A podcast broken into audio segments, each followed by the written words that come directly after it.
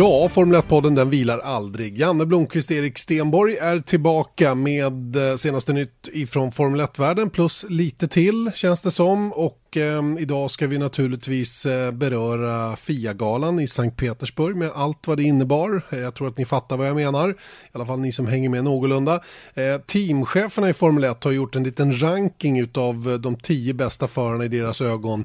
Och det ska bli lite intressant när vi går igenom den listan. Dieter Renken, vår eh, utländske medarbetare, eh, sitter hemma i Belgien och eh, var på den här galan i Sankt Petersburg, FIA-galan, och har rätt starka åsikter om ditten och datten ifrån den.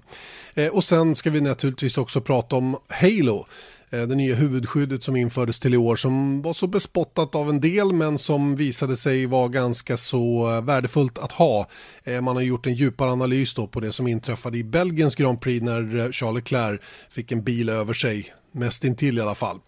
Erik Stenborg, laddad till tänderna ser jag, som tydligt, ja som vanligt höll jag mm. Hur ser du det undrar jag? Ja, men på Skype. på Skype. På Skype. Jag ser dig på Skype. Jag har en egen, jag har en egen privat tv-kamera på dig hela tiden. Jag vet. Ja, ja, men så, så du ser att när jag går runt med bebisar och sånt där. Exakt, exakt. Bara, han, han verkar laddad. Ja, idag, idag. Det känns som att han är, han, det är skönt att komma hemifrån. Ja, nej, men det, nu är det semester vet du. Ja, men det känns bra. Jag tycker, eh, jag fick ju, vi pratade om det tusen poddar, i rad nu att mm. hur trötta och hur mycket synd det är om oss ja. att vi inte Men du vände ju här i veckan. Säsong. Ja, jag gjorde det. Ja. Det tog 12 dagar. Sen så fick jag verkligen så här och det var faktiskt F1 släppte en liten eh, ja, highlight-snutt från hela året. Det var ju liksom ingen ordning så det var bara massa actionbilder och liksom nu höll jag på att säga dum som man är. Nej men snarare så att så lättlurad man är så blir jag så här asladdad verkligen. Mm, mm. Ja men det är väl det kul, känns... det är ju det sporten lever på. Det är precis det det handlar om. Mm. Ja. ja. men det är det jag menar, att man, man, och då menar jag inte lurad i negativ bemärkelse utan mer bara att Manipulerad blir du? Ja, jag blir liksom nu Shit vad långt det är kvar, men då var det 100 dagar kvar så nu är det väl några dagar färre, 97 nu, kanske. Eller några dagar färre, helt rätt. Eh, jag kan komma med färsk information från Marcus Eriksson. Jag pratade med honom faktiskt igår. Han var på svensk mark för första gången på länge eh, efter att ha varit över i USA då, och testat Indycar-bilen för första gången. Jag vet att det fanns eh, önskemål om att ha någon intervju med honom. Det fanns inga möjligheter att intervjua Marcus till den här podden om detta. Men vi pratade lite grann om den här testen. Han var väldigt, väldigt positiv. Jag eh, tyckte det var toppen att sitta i bilen för första gången. Eh, jag frågade om den här banan i Sebring som, eh, som av en annan racerförare igår beskrevs som ett tvättbräde. Mm. Och Marcus bara, han var bara så här, jag tyckte det var toppen. Äntligen en bana med lite karaktär sa han. Men den är, det är lite betong, det är lite asfalt, det är olika greppnivåer. Vissa exit curbs kan man inte använda, andra kan man ladda på för fullt. Och det var massor med olika saker som man behövde som förare tänka till kring. Istället för om som han uttryckte det då, ganska så eh, eh slimmade banorna i Formel 1 då, väldigt släta och likadana curbs överallt och eh, där, där man liksom jobbar på samma sätt på varje bana man kommer. Här var det helt andra förutsättningar som gällde och Framförallt så tyckte han att eh, bilen kändes ju, han hade ju hört så mycket innan om hur tungstyrt det skulle vara och hur annorlunda hela den grejen. Så han hade ju ganska låga förväntningar. Eh, vilket gjorde att han blev otroligt positivt eh, överraskad när, när väl körningen påbörjades. Sen har vi kunnat läsa oss till att han gjorde testen väldigt bra. Det blev ungefär 100 varv. Eh, farten fanns där, det är ju inte riktigt så att man avslöjar farten va? men tydligen så byter teamen tid i alla fall i slutet på dagarna och de som Marcus testade ihop med det var ju inga duvungar direkt utan det var tre Indycar-mästare. Simon Pagenaud, Will Power och eh, Newgarden. Newgarden. James Newgarden ja, det var samtliga Penske-förare då. Och eh, det visade sig att eh, han låg eh, hyfsat med på farten jämfört med dem. Då. Så att det var ju överlag en, en, positiv upplevelse att få köra just den här racerbilen. Och Jag återigen upplever det som att Marcus är sugen på en ny start i sin racingkarriär nu efter en ganska, ja, ett ganska segt avslutande år, avslutande halvår i alla fall. Mm. Men man läste ju sig till att, ja, det stod i teamchefen tror jag att det var som hade sagt att uh, he aced his first test och sånt där. Uh, och var din känsla av att det var så? Exakt så faktiskt och Marcus sa till mig att redan efter två runs det vill säga två gånger ute i bilen på banan så kunde han direkt börja pusha. Och, och, det säger en del om hur snabbt han, eh, jag har ingenting att jämföra med så att jag, jag kan bara gå på den informationen jag läst mig till också och hörde från Marcus att att det här är, det var snabbare, mycket snabbare än förväntat som han kunde börja liksom göra det riktiga testarbetet, va? känna på setupen och hela den grejen. Så att eh, det får man utgå ifrån stämmer. Eh, och eh, kul, kul också att det är på det viset att han, att han snabbt kände att han var bekväm i bilen då. Och mm. Eh, man har ju från, från teamets sida konstaterat också att han har en liknande körstil då som, som eh, Robert Wickens då. Och eh, om jag förstod det hela rätt så förra året så hade man något mellanting mellan James Hinchcliffe och Robert Wickens när det gäller setupen på bilen. Och Marcus började ju med mer eller mindre den bil som Wickens ville ha på den här typen av bana. Och sen så gjordes det en del förändringar under dagen men det slutade med att man ändå kom tillbaka till det man hade startat med. Men då hade man åtminstone provat och sett vad eventuella eh, förändringar baserat på Marcus feedback skulle ge i form av känsla i bilen då. Mm. Och det är naturligtvis sånt som är, är, är bra. Det är såklart. Jag, jag tänkte bara, jag reagerade på några grejer när jag läste den här, de här rapporterna från den testen. Och det är lite den här tydligheten runt att det är mer laid back och då är det visst, då är det banan som är, jag menar om man tittar på det så är det ser ut som en mm, Jag vet inte, Lunda exakt. flygfält. Liksom. Ja men lite så. Ja. eh, och just det faktum att de säger about, uh, he did uh, 100-115 laps. Mm. De hade inte koll på varven. Tror att man vet, hade missat det i F1. Där vet man ju liksom, han körde 99,7 varv. Mm. Liksom, eller någonting sånt där. Mm. Mm. Tidtagningen är liksom jag menar, nu är det regler från Indycars sida att de inte släpper på tester och sånt där för att de gör någonting eh, annat med det. Det är liksom embargo på, på testtider. Men jag tänker ändå på att i F1 så är allt tidtaget. Eh, man, man vet ju ganska mycket ändå i jämförelse med Eh, om man tittar på ett Indycar-test så, så, får man inga tider, man får ingenting. Men eh, handlar det om privata tester eller, eller, officiella tester? För det får vi skilja på lite grann. Jag vet inte ja, absolut. Det, ja. ja. men det, det är kanske en sån grej också, mm, bara att mm. de har privata tester mm. som är lite skönt. Men det som jag tycker man ska komma ihåg är att om nu, även om vi inte vet tiderna, så var ju han hy hyfsat med och jag tror, min känsla är att Penske var snabbare. Mm. Bara magkänsla. Mm. Eh, men sen så var det ju, läste jag mig till förra året, att Wickens var en, en bit efter Penske på Sebring också. Sen så tog han pole i St. Petersburg. Som är en liknande typ av bana, i alla fall lika ojämn och eländig att köra på i det avseendet. Ja, så, så någonting. Så det verkar som att Penske kanske är lite Sebring-experter, inte vet jag. Det kan de vara, va? men framförallt är de ett bra riktmärke att ha med sig. Och, och oh, ja. Eh, det som fjolåret visade till i år, det är att det är ingen katastrof att vara några tio bakom uh, vid den här första testen. Och, och glöm inte att det här var ju Marcus första varv mot tre stycken grymt, grymt erfarna förare då i, i det här mästerskapet, där samtliga har, har vunnit. Mm. Mm. Och Felix det... körde Imsa-bil också. Han körde ja, just den GT40. Det var ju Just coolt. det, ja visst.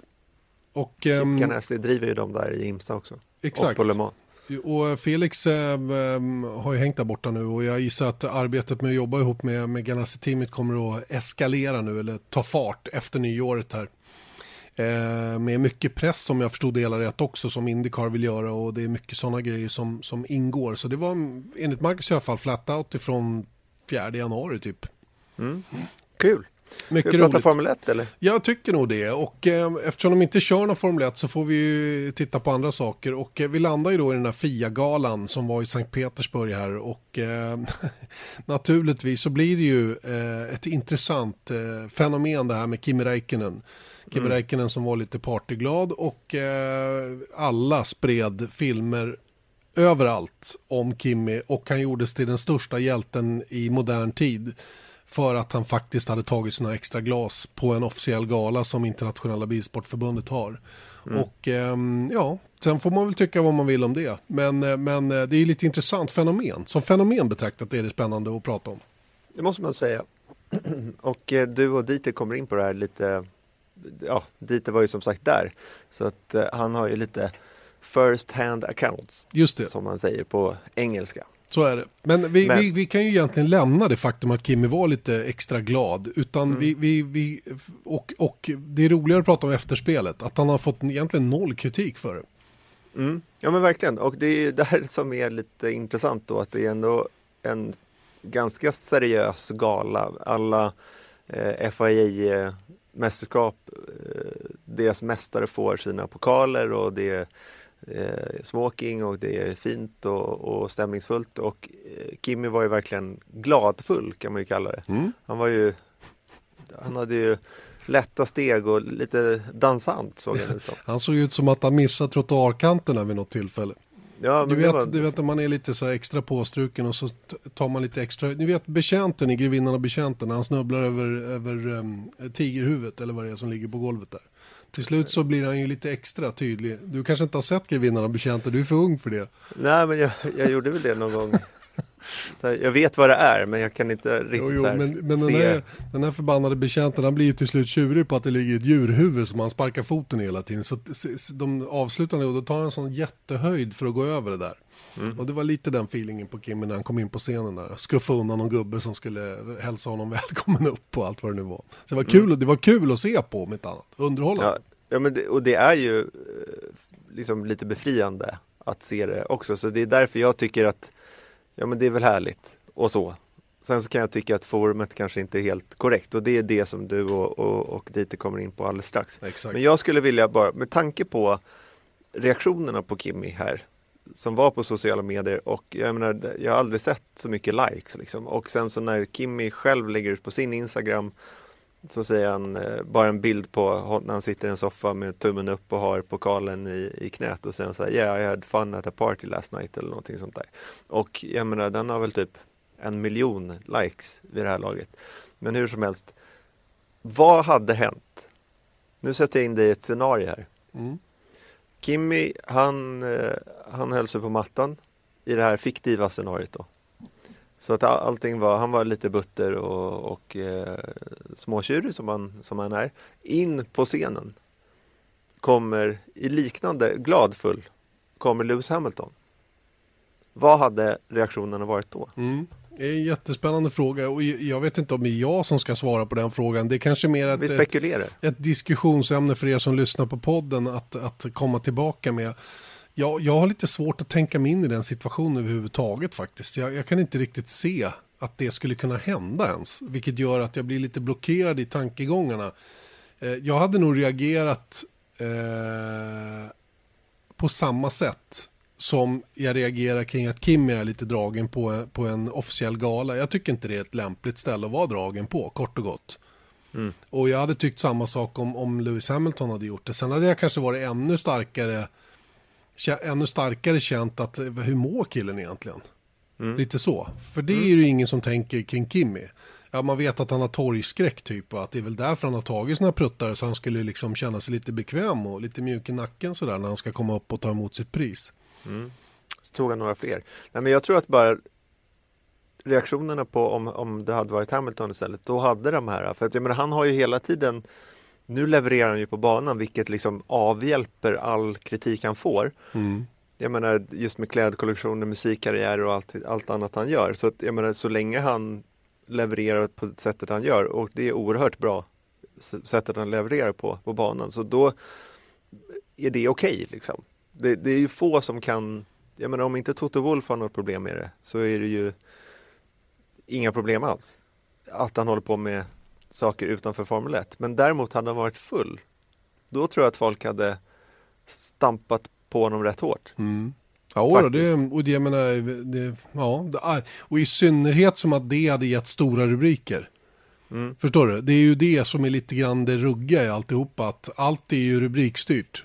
Mm. Eh, och vad är det som genererar extra klick. Inte att Kimmy är packad egentligen. Ja, på ett sätt gör det det, fast i positiv mening då att han får en massa likes på sociala medier.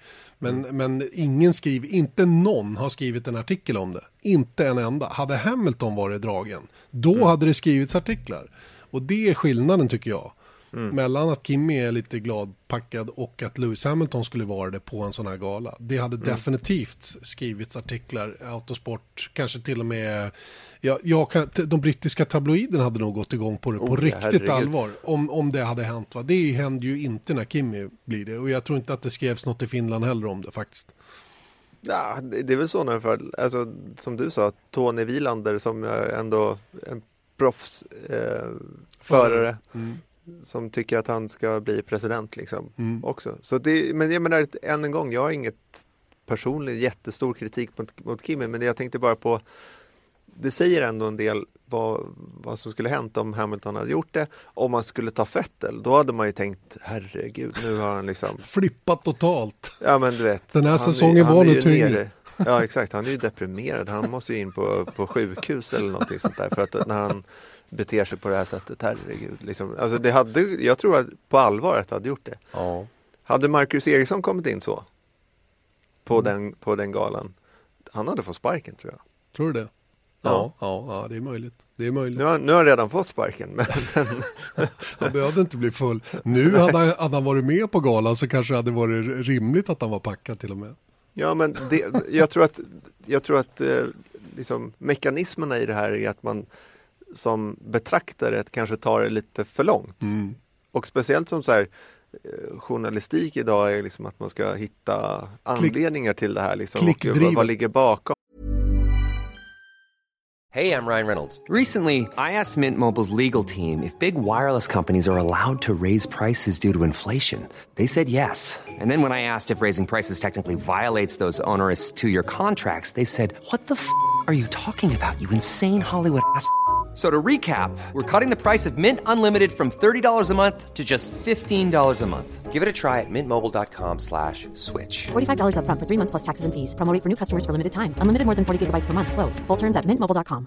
Spring? Is that you? Warmer temps mean new Allbirds styles. Meet the Superlight Collection, the lightest ever shoes from Allbirds, now in fresh colors. These must-have travel shoes have a lighter-than-air feel and barely-there fit that made them the most packable shoes ever. Plus, they're comfy right out of the box. That means more comfort and less baggage. Experience how Allbirds is redefining comfort. Visit allbirds.com and use code SUPER24 for a free pair of socks with a purchase of $48 or more. That's A-L-L-B-I-R-D-S dot com, code SUPER24. Ja, men vad ligger bakom? Mm. Och då hade det varit, det hade ju bara bevisat att Eriksson är totalt oseriös. Han har varit det under sina fem år i Formel 1. Exakt. För han blir full sådär. Mm. Medan Kimmy har gjort liksom oseriositeten till någonting som en Bra. grej, som ja. någonting som ingår i hans koncept på något Precis. sätt. Precis, inga trackwalks, eh, liksom, han har ingen tid övers för eh, ingenjörsmöten efter race. Eh, han kan bli på lyret ibland också. Han har ju carte blanche i det avseendet. Liksom. Men jag tror att det är ingen annan på årets F1-grid eller nästa års F1-grid som skulle kunna komma undan med det på sättet som Kimmy gjorde det. Nej. Det tycker jag får bli slutord i den diskussionen. Bra jobbat Absolut. Kimmy. Att ha, den, att ha det kapitalet. Mm. Eh, ja, då kan vi väl glida över lite grann, apropå Kimmy och de andra i toppen då som var med då på den här galan och fick, det var väl topp tre i varje, i varje kategori som fick komma och ta emot sina priser. Och eh, då landar vi lite grann i teamchefernas ranking över de tio främsta förarna i Formel 1 2018 och eh, den eh, listan gissar jag, för jag har inte sett den. Nej, och det är lite vår poäng här att det är Autosport som gör det varenda år eller har gjort det kanske, säg fem år tillbaks i alla fall, att de går runt under förutsättningar sista racet, nu Abu Dhabi, och så frågar de, eh, ber de alla teamchefer att ranka. De får ge ut poäng i topp 10 då till eh, ja, 25 poäng för etta, 18 poäng för tvåa och mm. så vidare. Eh, Ner till 10. precis, och på så sätt så får de då rank, så tar de fram då en ranking av eh, vilka förare de tycker är topp 10 i eh, Formel 1. Och jag förutsätter att det finns platser ner till 20 också men de publicerar bara topp 10. Och eh, eh, alla som den enda som inte var med var Maurizio Arrivabene har alltså. jag läst mig till. I år i alla fall. Och du har inte sett den här, eh, men då skulle jag vilja be dig bara att eh, ranka och jag ska samtidigt då, jag lägger ifrån mig mikrofonen och så får du ranka. Gör det lite snabbt också. Ja, jag, så, jag så försöker... skriver jag upp här så, så, så jämför vi sen. Jag gör det lite snabbt. Jag skriver 1, 2, 3, 4, 5, 6, 7, 8, 9 och 10. Och jag skriver då att teamcheferna naturligtvis rankar Hamilton som nummer ett. Men sen börjar det bli knepigare här bakom. Vem är egentligen näst bäst i år? Eh, och ehm, nu är det inte jag som ska tycka, men om vi, jag försöker då sammanföra det här tyckandet då med, med vad teamcheferna tror och tycker. Så, så känner jag ändå att Max Verstappen borde vara den som får andra positionen. Eh, och, och, ju längre ner vi kommer så blir det ännu mer knepigt det här med att välja ut vem. För vi måste också ställa i relation vilket, vilket material du har haft tillgängligt under året. Och eh, Verstappen har ju inte räckt till för att, för att vinna VM eller slåss om VM. Det hade ju Fettel till exempel. Och i och med att han inte levererade på sin högsta nivå så tror ju faktiskt inte jag att Fettel är heller i tre eller fyra. Jag tror att... Um, jag tror att eh, kanske Daniel Ricciardo kan vara trea. Han hade i alla fall en bra inledning då. Sen var det ju inte till hans förskyllan att det blev som det blev. Jag tror att Fettel är fyra. Jag tror att Kimi är femma. Jag tror att Bottas är sexa. Och de här killarna... Vad sa du? Vem hade du som fyra? Fettel. Fettel ja, Hamilton, Verstappen, Ricardo, Fettel, Räikkönen, Bottas. Där är du topp sex va? Är du med på det? Nej, du skriver för fort. Jag skriver två. Jag skriver den verkliga rankingen också. Aha. Så nu, femma. Fem, femma är Räikkönen. Mm. Okej, okay. jag stressar dig. Där. Det får man inte göra. Bottas sexa. Mm. Sen tror jag Leclerc blev sjua. Mm. Jag tror att Hylkenberg blev åtta. Mm. Jag tror att Alonso blev nia. Och vem blev tia då? Gasly. Stora, stora, stora skillnader faktiskt. Ja. Måste jag säga. Jag, du, jag tog det här på uppstuds nu med, med liksom tre minuters eller 30 sekunders förberedelse. Men mm. ungefär så där tror jag att de har röstat. Mm. Du har ju alldeles rätt då med Hamilton som eh, nummer ett. Mm. Du har också rätt på eh, Verstappen som nummer två. All right. Eh, sen så eh, jag, jag, läser teamchefernas nu då, så mm. får du liksom mm. kommentera. Japp, japp, japp. Det blir alltid så här när vi gör lite listor att jag tänker att det ska bli väldigt bra, sen så blir det väldigt otydligt och, Nej, det här blir och, och konstigt. Men ja, nu kör vi på i alla fall. Nu har vi gett, gett, oss in i det här. Eh, trea, ja. Sebastian Vettel. Där Fett... hade du Daniel Ricciardo. Just det. Just det. Ja, men det kanske är rimligt att ha Vettel på. Han blev ändå VM tvåa. Jag tycker bara att han var, sett till vad han hade kunnat göra, så tycker inte jag han var tredje bäst. Nej. Men nu blir det verkligen intressant här. Mm. Fyra. Fyra. Där hade du som Fettel, men där har teamcheferna Fernando Alonso. Aj, aj, aj, aj. Fernando Alonso. Ja, den får han nog på gamla meriter tror jag. Faktiskt. Fast samtidigt då, om man tittar på att han, han är fjärde bästa föraren i Formel 1 då. Ja, men okej. Okay. Under 2018? Ja, under 2018. Mm, ja. Mm. Och jag tror att absolut att det finns gamla meriter i det där. Samtidigt då så har han tagit väldigt många poäng. Jo, det gjorde han. Han tog, han tog, 50 poäng trots allt. Eh, och det gjorde han då när bilen klarade det.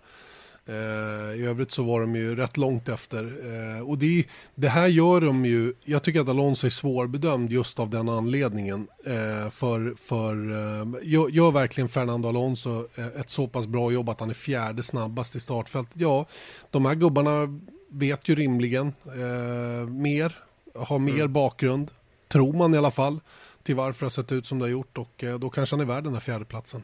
Mm. Sen ska man ju säga det att det, jag tror inte att de tar det här som absolut blodigaste allvar Nej. de någonsin varit med om heller. Men de har i alla fall gjort det ja. och jag, jag, tycker att det är eh, ganska intressant mm. faktiskt. Mm. Femma Daniel Ricardo.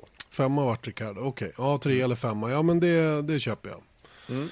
Så Alonso petar alltså bort eh, de tvåorna då så att säga, både Mercedes och, eh, och eh, Ferrari. Mm. Mm. Nummer sex. Challe Leclerc. Till och med han går före alltså, okej. Okay. Mm. Ja, intressant, intressant. Ja, att Leclerc skulle vara högt upp, det förstod jag. Mm. Det, det, det förtjänar han. Ja, det gör han väl. Det, det gör han väl. Han, han ska vara där uppe, helt klart. Tio gånger topp tio under säsongen. Är imponerande, verkligen. Måste man säga. Mm. Nummer sju, Kimi Räikkönen. Sjua först, Kimi Räikkönen. Ja, det, det, där är ju, det där är ju, eh, det, det kanske är en korrekt bedömning. Och framförallt de här teamcheferna har ju som sagt återigen då eh, bättre koll. Nu var ju inte Ferraris egen eh, egen ehm, eh, teamchef med och röstade. Vilket kanske Nej. hade hjälpt Ferraris chanser lite grann. Både Vettels och Kimis, jag vet inte. Samtidigt så gör de det här anonymt då, så, de, ja. så även mot Autosport, sport, som jag förstår det, så vet inte ens Autosport vad de har röstat på. Så de, de, kan göra det liksom utan omsvep så att säga. Okay. Num, nu blir det intressant här. Nummer åtta, Valtteri Bottas. Okej. Okay. Åttonde plats alltså. Sju och åtta kommer, på, kommer Räikkönen och Bottas i den här listan. Mm. Mm. Mm. Och jag kan tycka det är rimligt. Men vad, vad säger du? Gjorde Bottas en bättre säsong i fjol än i år? Eh, ja, det får jag nog tycka att han gjorde. Det här med Bottas är ju lite knepigt. För han, sett till kvalprestation så är han ju inte alls långt efter Lewis Hamilton. Han får stryk väldigt många gånger av Hamilton. Det är som när jag spelar padel. Jag förlorar stort med, det är bra bollar. Förstår mm. du? Mm. det, ja, men det, det, är lite så för Bottas. Va? Han, är, han är nära men inte tillräckligt nära. Och sen när det kommer till race så, så blir det oftast eh, av olika anledningar inte lika bra som för Lewis Hamilton. Lewis Hamilton är helt enkelt lite bättre. Mm. Kort och gott.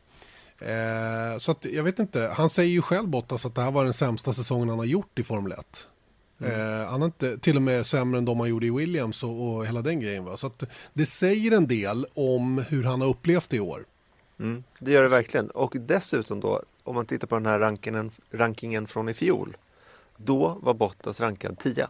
Mm. Och nu är han 8. Mm. Så att eh, enligt teamchefen har han gjort det bättre ja. än han var gjorde det i, i fjol. Då. Det mm. kan jag tycka är lite inkorrekt då när han vunnit tre gånger och, och, och så vidare och tagit lite pole positions och sånt. Mm. Så att, eh, men så är det i ja. alla fall. Ja. Nej, men det, allt, är ju liksom, allt ställs ju i relation till allt annat som händer också givetvis. Okej, men en åttonde plats då för, för, för Bottas. Nia då, vem blev nia? Esteban Ocon. Esteban Ocon, det, det förstår jag ingenting av. Nej. Men hur kan, hur kan Perres inte vara med? Precis. Ja, men vad, det, Fler det poäng. ja, men det där fattar jag inte.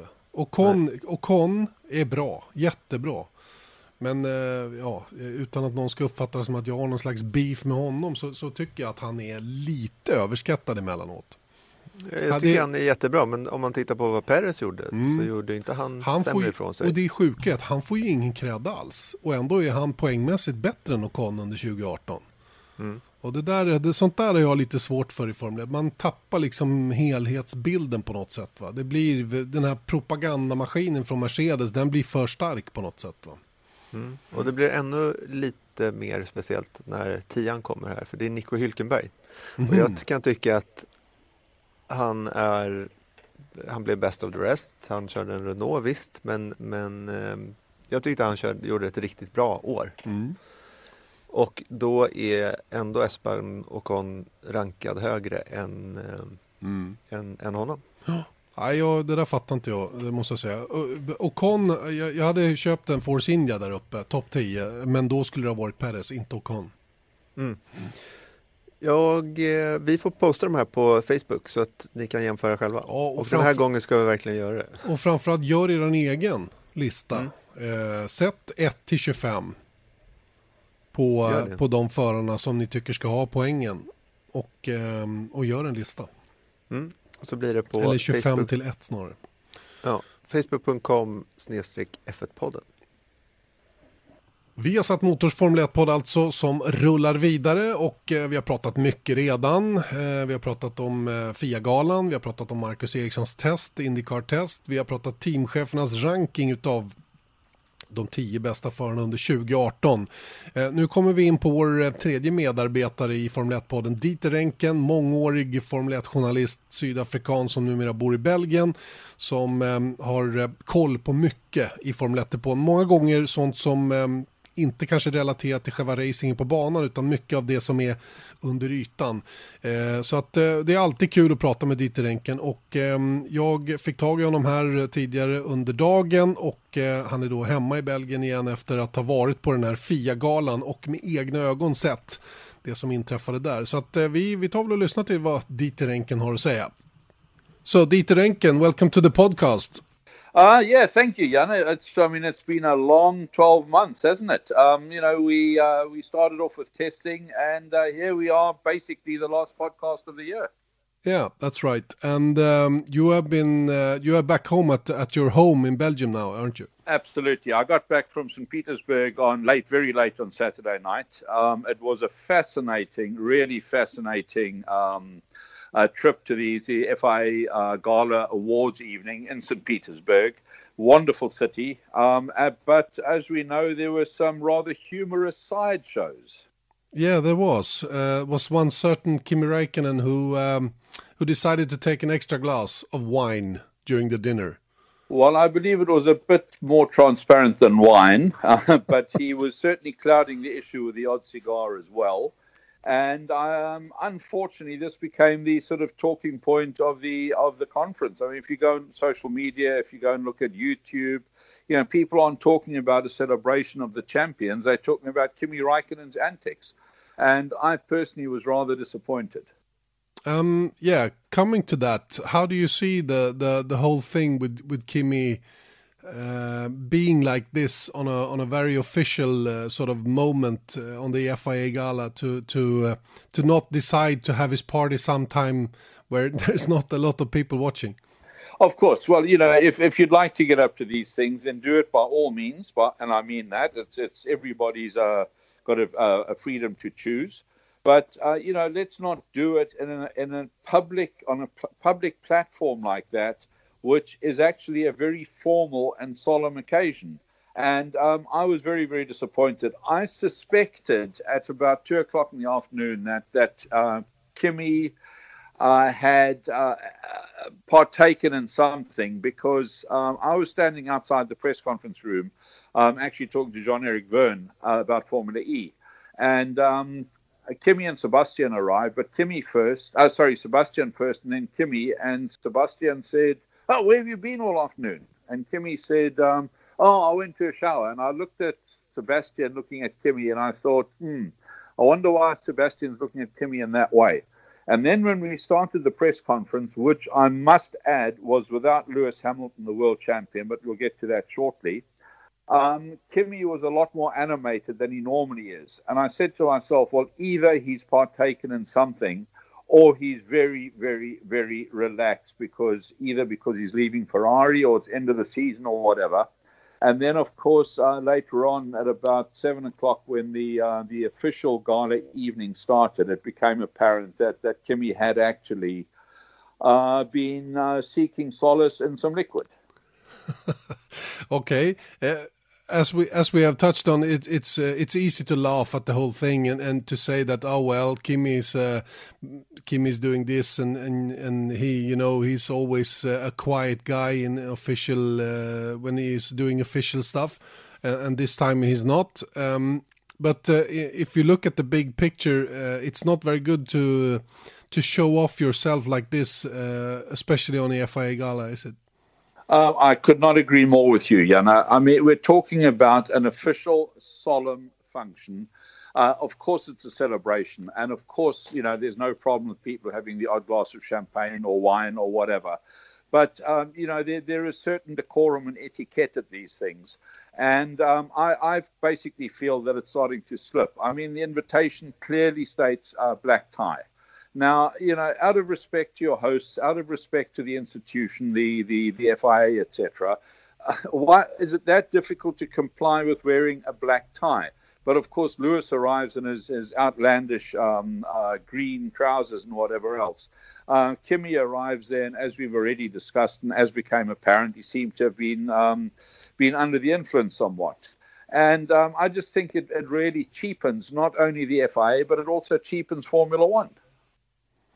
Uh, yes, and and um, if we leave the Kimi incident, it's it's nothing more to say about that. We we we do know what we think around this this matter, but uh, the the um, the fact that Lewis Hamilton is not coming to uh, to the to the press conference uh, is is. Uh, is is FIA are they uh, too lenient on the, on the drivers? Are they not sort of are they not the deciding um, the deciding factor here?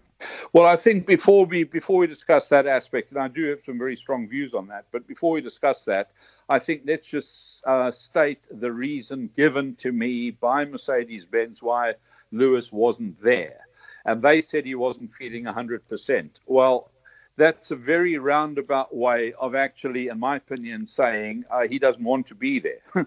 because you know not 100% could mean you're only feeling 99.9%. Well, you know I've gone to work when I felt less than 80%, um, and and and equally it was a very very vaguely worded response. If we look at the um, the clause in the sporting regulations, which demands that a driver, the first three drivers in the championship, attend the prize giving ceremony. Now, this is open to, to interpretation. Is the media part of this function, uh, is it actually part of the official prize giving ceremony? Some would argue yes, some would argue no. Obviously, uh, Mercedes seem to believe that the answer is no, it's not, which is why Lewis was let off the hook. Whether or not he was ill, I mean, you'd actually have to be very, very ill to not be able to sit down on a chair and answer some questions. And that evening, he actually looked 110%, believe me. um, mm-hmm. as as any footage on on on Facebook etc. proves. So uh, you know, I have my doubts whether whether this not hundred percent actually meant that he had an ailment. Yeah, if if you if you say that the the press conference is maybe not part of the gala, why do they have a press conference? I mean, it's a it's a it's a package, isn't it? Uh, absolutely, and in fact, as I wrote my diary on on Saturday, I did a, a special edition of the diary for race fans um, about the the um, prize giving awards gala, and in there I wrote there that what the FIA needs to do is actually clarify whether or not it is part of it. If we know that it's not, then we won't bother to go to Russia because we know that they probably won't turn up. No, if no. it is, then of course it's worth going to Russia because then we know they will turn up. Mm-hmm. So um, you know this this is this needs clarification. And this, unfortunately, seems to be the way with a lot of regulations. We had the, the Haas Force India issue, which again needed clarity on certain regulations.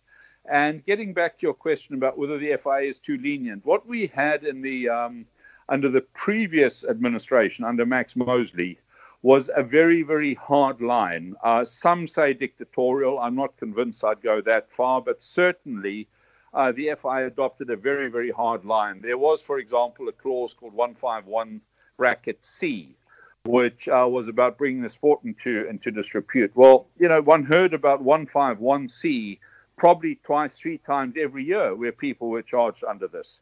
Um, we haven't heard it mentioned in the last five or six years. Um, I investigated why, and in fact, that clause has been scrapped. It doesn't exist in the regulations anymore, believe it or not. There is another clause which is uh, detrimental to the interests of the sport, etc. But this is somewhat somewhat milder, and in fact, this is the one that um, Max Verstappen was charged and, and found guilty under um, after his manual argument with, with Esteban Ocon in Brazil. Now, immediately after that, once he'd been given his community days as punishment, um, the uh, Max Verstappen said, "Oh, I will not be made a fool of." Well, you know, this is unthinkable. The guy was in breach of a regulation. The stewards took a decision. They handed down a verdict. They said he'll do two days of community service. And I have to question who Max Verstappen is to say, I will not be made a fool of. I mean, he actually made a fool of himself in Brazil, in my opinion, by shoving Ocon around. Yeah, and and uh, we have several other uh, examples of of uh, things, uh, quite serious things. Uh, you you mentioned to me before the, we start recording about Sebastian Vettel, what he did, uh, what he called Charlie Whiting in Mexico, and and he turned into Lewis Hamilton in Baku, and, and and got punished for it. But we haven't seen any any result of that punishment. Absolutely, and you know, again, we we're sort of saying that a number of times. Um, Lewis has has um, not attended press conferences and gotten away with it. This wasn't the first time. You know, we're at the first time in, I don't know, 200 races or whatever. One could say, well, Lewis, we understand. But, you know, it was a regular occurrence um, in, in 2018 where he didn't, admittedly, um, I can think of one FIA, but there were other, um, uh, there were other uh, Mercedes press conferences that he didn't attend. Um, and, you know, one, one starts to wonder um, whether or not Mercedes in particular, but the drivers in general, are trying to dictate the, uh, the media agenda here. It it it, uh, it seems like it anyway that uh, they want to decide what to do and when to do it and and and under what terms sort of and and I've had that feeling especially around Lewis Hamilton several times that he he um, everything has to be done uh, according to his way of doing it. Uh, yeah, and um, you know, I think that it's time that that uh, some form of clarity was issued about what the media obligations are of the teams. Okay, that um, anything else around the FIA Gala that was uh, sort of interesting? Do you think uh, during the days you were in Russia? Um, well, the the one thing that I will say about it was that um, I think it was apart from what we've just discussed, but I think logistically it was superbly organized. It was a credit, a real credit to the FIA, particularly the way that they, they merged the um, St. Petersburg and Russian culture into, into the motorsport theme. And uh, it was a real treat. It really was, Jana, to, to, to sit in that Philharmonic Hall, uh, see these visuals of St. Petersburg, to have these, this, uh, the Russian singers, the choir, and whatever it, it really did the FI a lot of credit. And I think that's probably why I'm so disappointed in some of the, the peripheral activities that did or didn't happen. Hmm. Okay, uh, let's see where, where the FIA Gala ends up next year. We don't know that yet, do we? I believe um, that it will be held in Paris. What they do is they alternate every two years. Once is Paris because it the FIA Gala um, coincides with the um, what they call the General Assembly, which is the annual general meeting of the FIA, where all the member clubs, both touring and sporting, get together, discuss um, discuss the direction forward, review this the year that's been, etc. And of course, the highlight is then this gala evening, and um, uh, every they alternate between Paris, which is the headquarters of the FIA, and then um, one of the, the member countries. Uh, so they've they've had in the past they've had Qatar, they've had um, uh, Austria, uh, then uh, they've got, now it's got Russia. I believe next year when it's Paris's turn again. Last year was in the uh, Palais Versailles. Next year I believe it will be at the Louvre in Paris. All right, that could be a nice venue for the whole thing. Um, moving on then to uh, to other interesting stuff. Uh, uh, of course, it's it's um, the story around Force India and and what name they will have for next year. Uh, they have already changed the name from Racing Point Force India to Racing Point F1, as I understand it. But that's not the name they're going to use next year. That's what they say. But again, it's it's very very confusing because again we have some conflicting clauses or regulations. Uh, basically, anybody can enter under whatever name you like as long as it's not offensive. So if, if you want to put together a team, you could call it Yana F1, no problem. Um, if I buy the team from you, I can then call it Dita F1. And effectively, the only guideline is that the FIA needs to approve it that it's not offensive, which is a, a totally understandable situation. However, where it gets more complicated is on the commercial side. That in that the various commercial agreements state that a um, uh, in order to qualify for the various Formula One monies, the um, the name should not be changed because obviously they'd want continuity. The last thing you want is everybody to change their name, their chassis name, and I think this is important to change the chassis name every year. So instead of having a Ferrari this year, it becomes a Scuderia, and the next year it becomes uh, Team Maranello or whatever. And obviously they would like continuity in this. And also, there are some very evocative historic names in the sport. So um, the chassis name needs to remain um, constant unless permission is granted for it to be changed. Now, the uh, commercial agreements state that the commercial rights holder shall be the sole arbiter of this. In other words, he can decide whether or not the team may change its chassis name, in this case from Force India to Racing Point. However, where it gets more complex is that a second schedule of the commercial agreements refers back to the original 2010 to 2012 Concord Agreement. And it says that in order to, to uh, qualify for payments, teams must adhere to the requirements of the Schedule 10. And the Schedule 10 uh, agreement says that the team should uh, obtain permission from the Formula One Commission. So you have a situation where, on the one side, they're saying the commercial rights holder, in this case, Liberty Media, needs to grant permission. In the other case, you say the Formula One Commission. And of course, the Formula One Commission is made up of all other teams. It's made up of race promoters, of sponsor representatives, the FIA, the commercial rights holder, tyre supplier, in this case, Pirelli, an engine manufacturer representative. So it is very, very complex. Mm-hmm. So to change the team name as Racing Point did on the entry form is very easy. They did it. However, in order to qualify for money going forward, um, my sources said it would be most prudent if they got permission from the commercial rights holder, Liberty, and the Formula One Commission, which is the structure I've just outlined. Yep. Okay, uh, so um, does this uh, sort of spill over to the whole history with with uh, with Haas uh, filing a complaint against Force India uh, and and and all that? Is that part of the same story? Well, it's not part of it, but it's certainly a component in this long-running saga. Yes. Uh, could you shed some light into that that sort of that part of the story then with with Haas uh, having this uh, protest against Force India? What was what was the reason for the whole thing? I wasn't surprised, frankly, that that it got to that because the um, again these commercial clauses are very clear, and that is that in order to qualify for both columns of money, in other words, you have column one, which is paid to teams um, that finish in the top ten twice in the last three years. Um, and then you have column two, which is basically paid on a sliding scale 20% of this particular pot to the winner of the Constructors' Championship, down to uh, 4% for the 10th place team. Now, if we have a look at Force India, Force India had obviously qualified because they'd been in the top 10 uh, non stop basically since 2007. So they obviously qualified for the money. Um, however, once they were sold as a as an asset sale, not as a going concern to the Stroll Consortium, they needed a new company registration and they needed a new entrance license.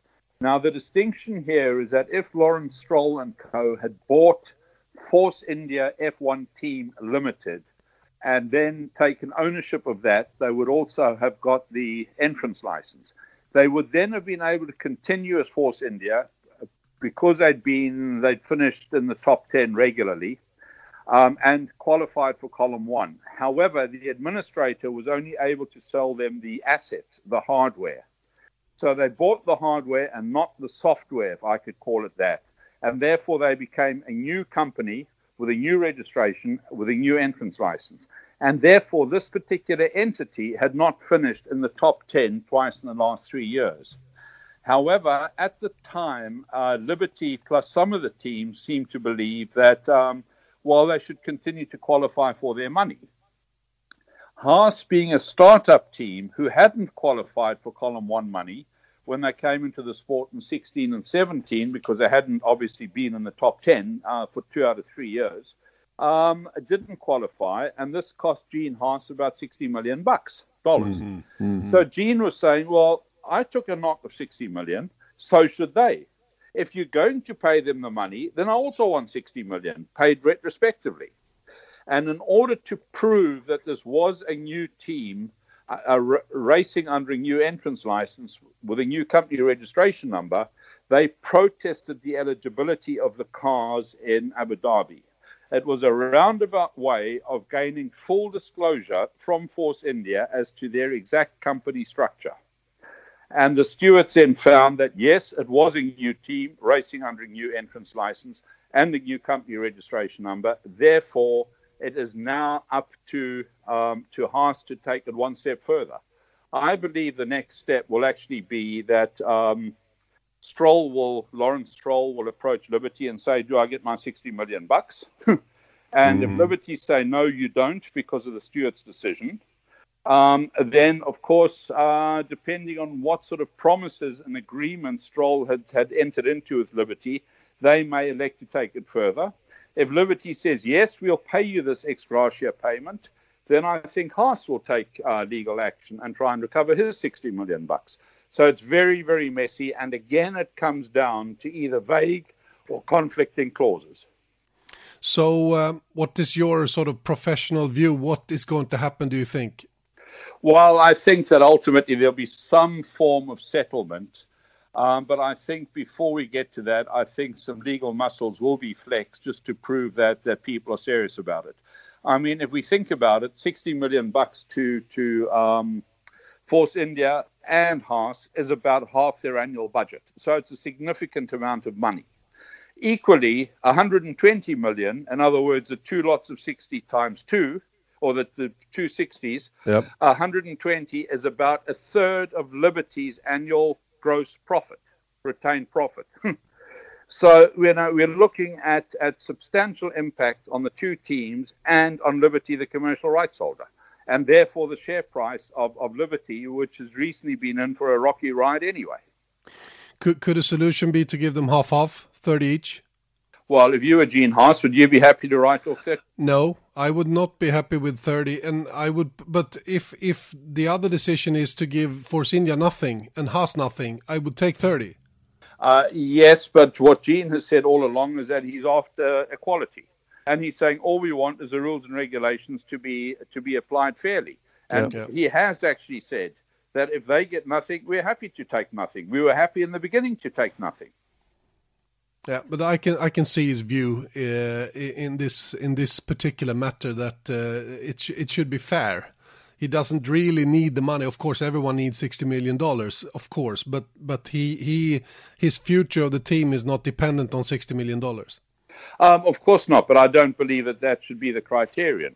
Um, I think the criterion is, in a sporting sense, is equality, and uh, that rule should be applied fairly. Otherwise, we open all sorts of cans of worms everywhere. You know, we have basically we have three sides to the story plus the regulations. We have the Haas side, we have the Stroll side or Force India side, we have the Liberty side, and then we have the sporting side, the regulations. And the regulations must at all times be applied equally. Yeah, and they must be clear enough to, to be easy to, to apply on a on a certain matter, sort of. Absolutely, unambiguous and applied equitably across the board. All right, uh, that was that was good to know. This uh, this uh, the whole thing, sort of. Uh, one last thing before we we end our little part in this week's podcast. Uh, Andreas Seidl, uh, the the big man from Porsche, is is moving towards F1, and and the rumors are that he's he's ending up in McLaren, who certainly need a, a, a man of Seidl's sort of position and, and quality. Um, well, Jan, it's interesting you should say that because um, uh, uh, there, there, was a, a, news story yesterday which um, effectively said it's rumored that he is because it hasn't been confirmed.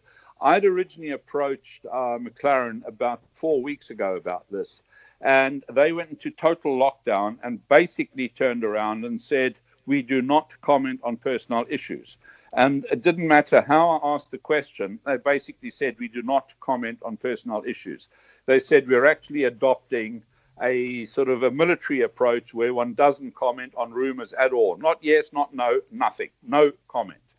And I've spoken to them subsequently about this, and um, and every time I've had exactly the same answer. And in fact, at uh, at one stage, um, when I broke the news that Fernando Alonso would be racing the Cadillac in um, in Daytona, and would also be racing with uh, Chevy Power in Indianapolis. In other words, a full General Motors motorsport onslaught for those two iconic American races. I again broached the um, the topic of um, of Andreas Seidl going to McLaren, and again I was told that. Now, the rumor has been around for a while. Do they need a man like Andreas Seidl? Well, it depends in, in what capacity. He's a very experienced motorsport manager. Um, was team principal for the um, the Porsche WEC program, which, as we know, uh, basically dominated Le Mans. Um, and so he's a very experienced man. He's also an engineer. He'd worked for Sauber for many years, so he's both technical and managerial. Uh, yes, I believe they do need somebody But frankly, I'm also questioning why he would go to McLaren with all this uncertainty around McLaren, particularly with Brexit. Hmm. Yeah, that's true. That's true. Um, okay, let's see what's happened in, in that matter. Uh, we all know that James Key, though, uh, coming from for, from Toro Rosso to McLaren, is is starting his work. Uh, is he starting uh, directly from the new season? Uh, yes, I believe they've now reached agreement uh, with the the Red Bull Group. I know that at one stage they were talking some seriously funny money. In fact, I heard in the vicinity of millions to release uh, James Key early, and basically McLaren said no. Um, uh, but I believe they've now reached some form of agreement, and that um, that uh, James will be starting in January. All right.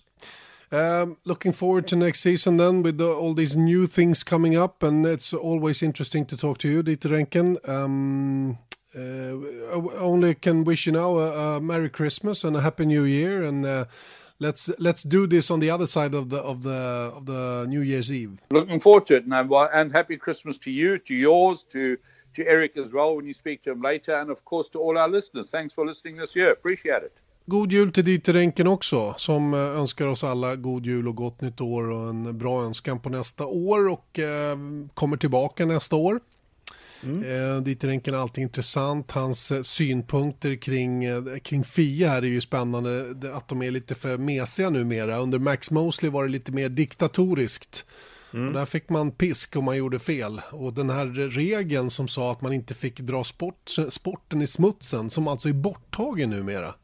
Det visste jag inte om faktiskt. Nej, jag, inte jag, jag kommer ihåg regeln. Ja, ja, ja, visst. Den åberopades ju som han säger två, tre gånger per år.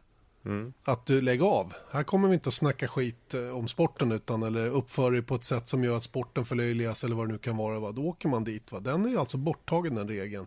Och eh, han är ju väldigt korrekt ut också när vi vet ju faktiskt inte vad Sebastian Vettel gjorde för eh, eh det, samhällstjänst så att säga då, i F4-depån eller vad det nu skulle vara efter sin grej där i både Mexiko och Baku, framförallt Baku.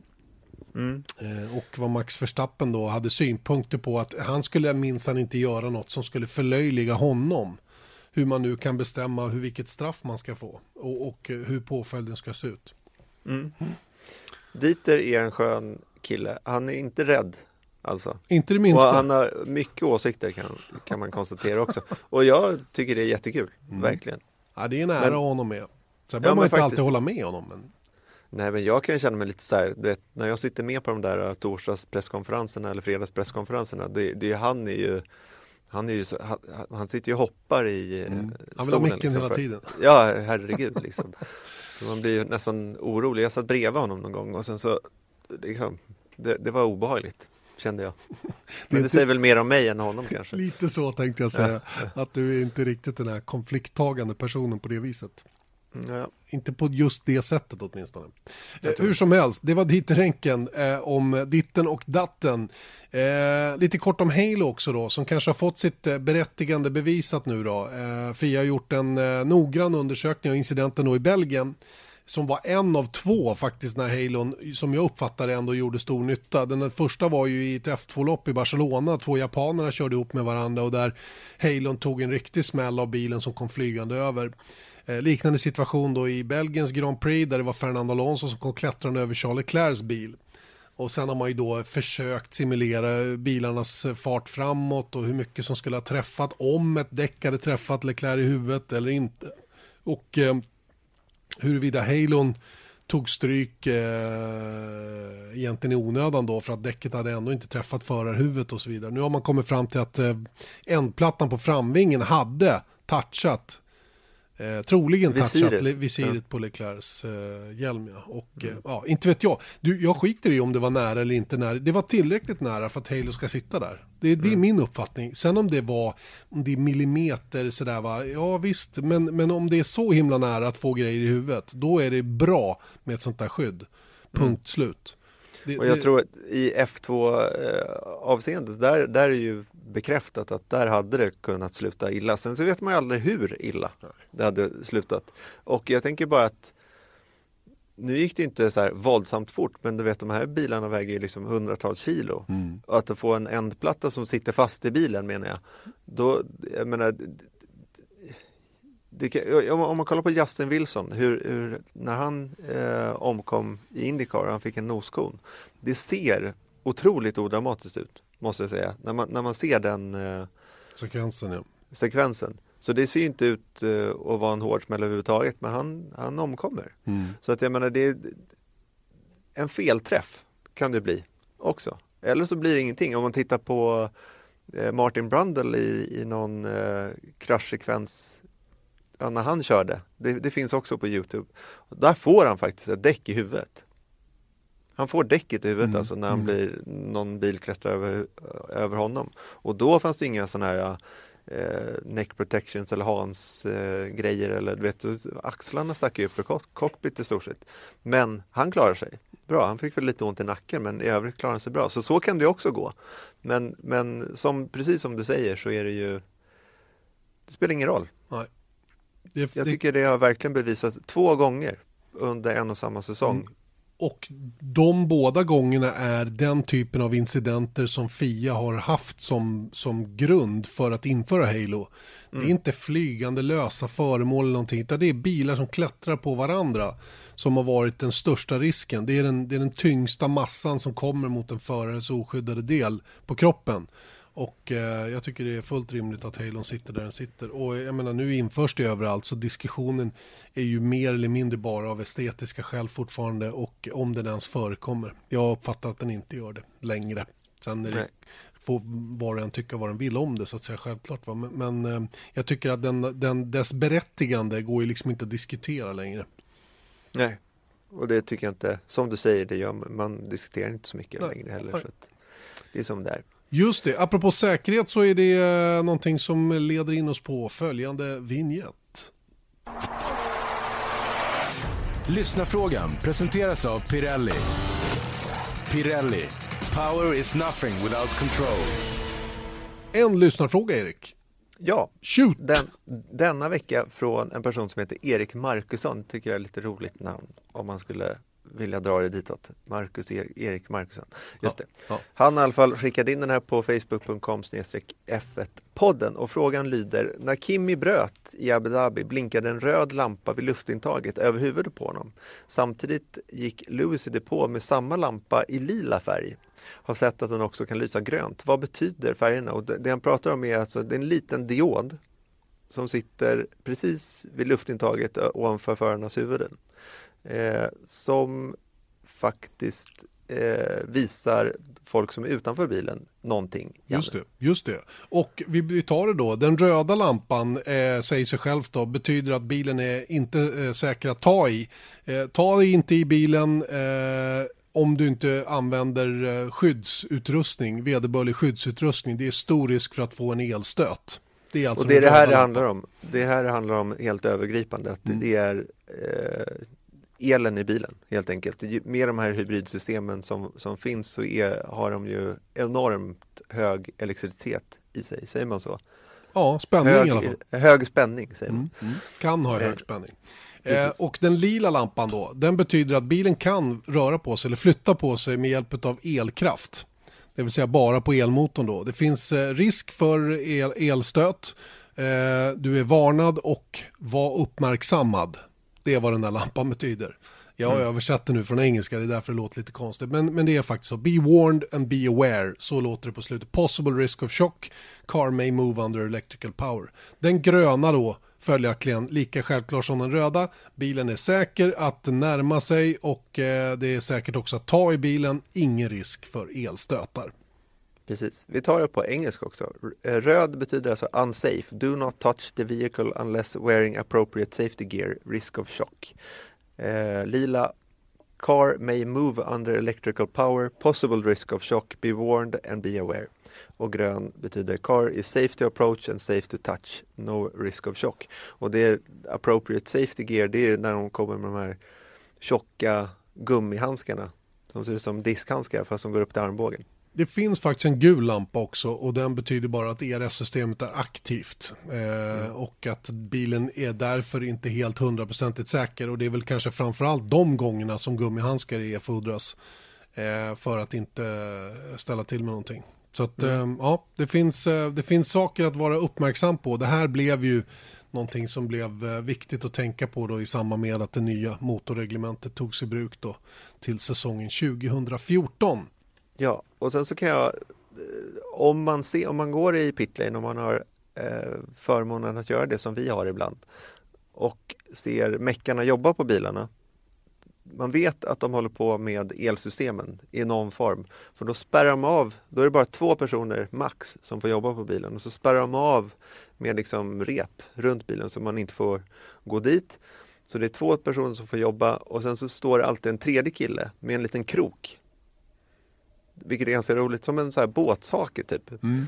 Eh, för att om personen får en elstöt, då krampar ju kroppen. Just det. Så då måste man dra undan personen. Så då har de alltså en, eh, en, en, krok för att göra det, för de kan ju inte ta i kroppen heller, för då, då, får, då går ju strömmen in i nästa ja. kropp. Så, så, så det, det, är lite obehagligt faktiskt. Man vill inte gå runt i ett garage och liksom halka in i en bil då. Nej, verkligen inte. Det, fanns ju några, det finns ju några stories också om incidenter som inträffade i början av det här reglementet med killar som tog i bilen och flög typ fem meter iväg när de, när de fick en elsmäll, liksom en riktig propp. Mm. Eller när proppen det... gick. och sen kan man ju också se när förare bryter ibland, gärna på tester faktiskt. Mm. Eh, och framför, framförallt där 2014, första testerna, att man såg för man, man ska inte ta i marken för då blir man jordad. Mm. Så då ser man att de klättrar upp på, på bilen och sen så gör de ett skutt ifrån bilen då för att inte ha foten i marken samtidigt som de håller i bilen. Just det. För de var osäkra på det där då. Mm. Mm. Och det är fortfarande så att det är, det är så man ska lämna bilen. Man ska mm. upp på den om, man, om den nu, och för då, föraren får ju alltid reda på om bilen är, om det finns risk för att den är strömförande eller mm. inte. Va? Så då, då blir de tillsagda att uh, the car is not safe och då vidtar man vederbörliga åtgärder för att lämna fordonet.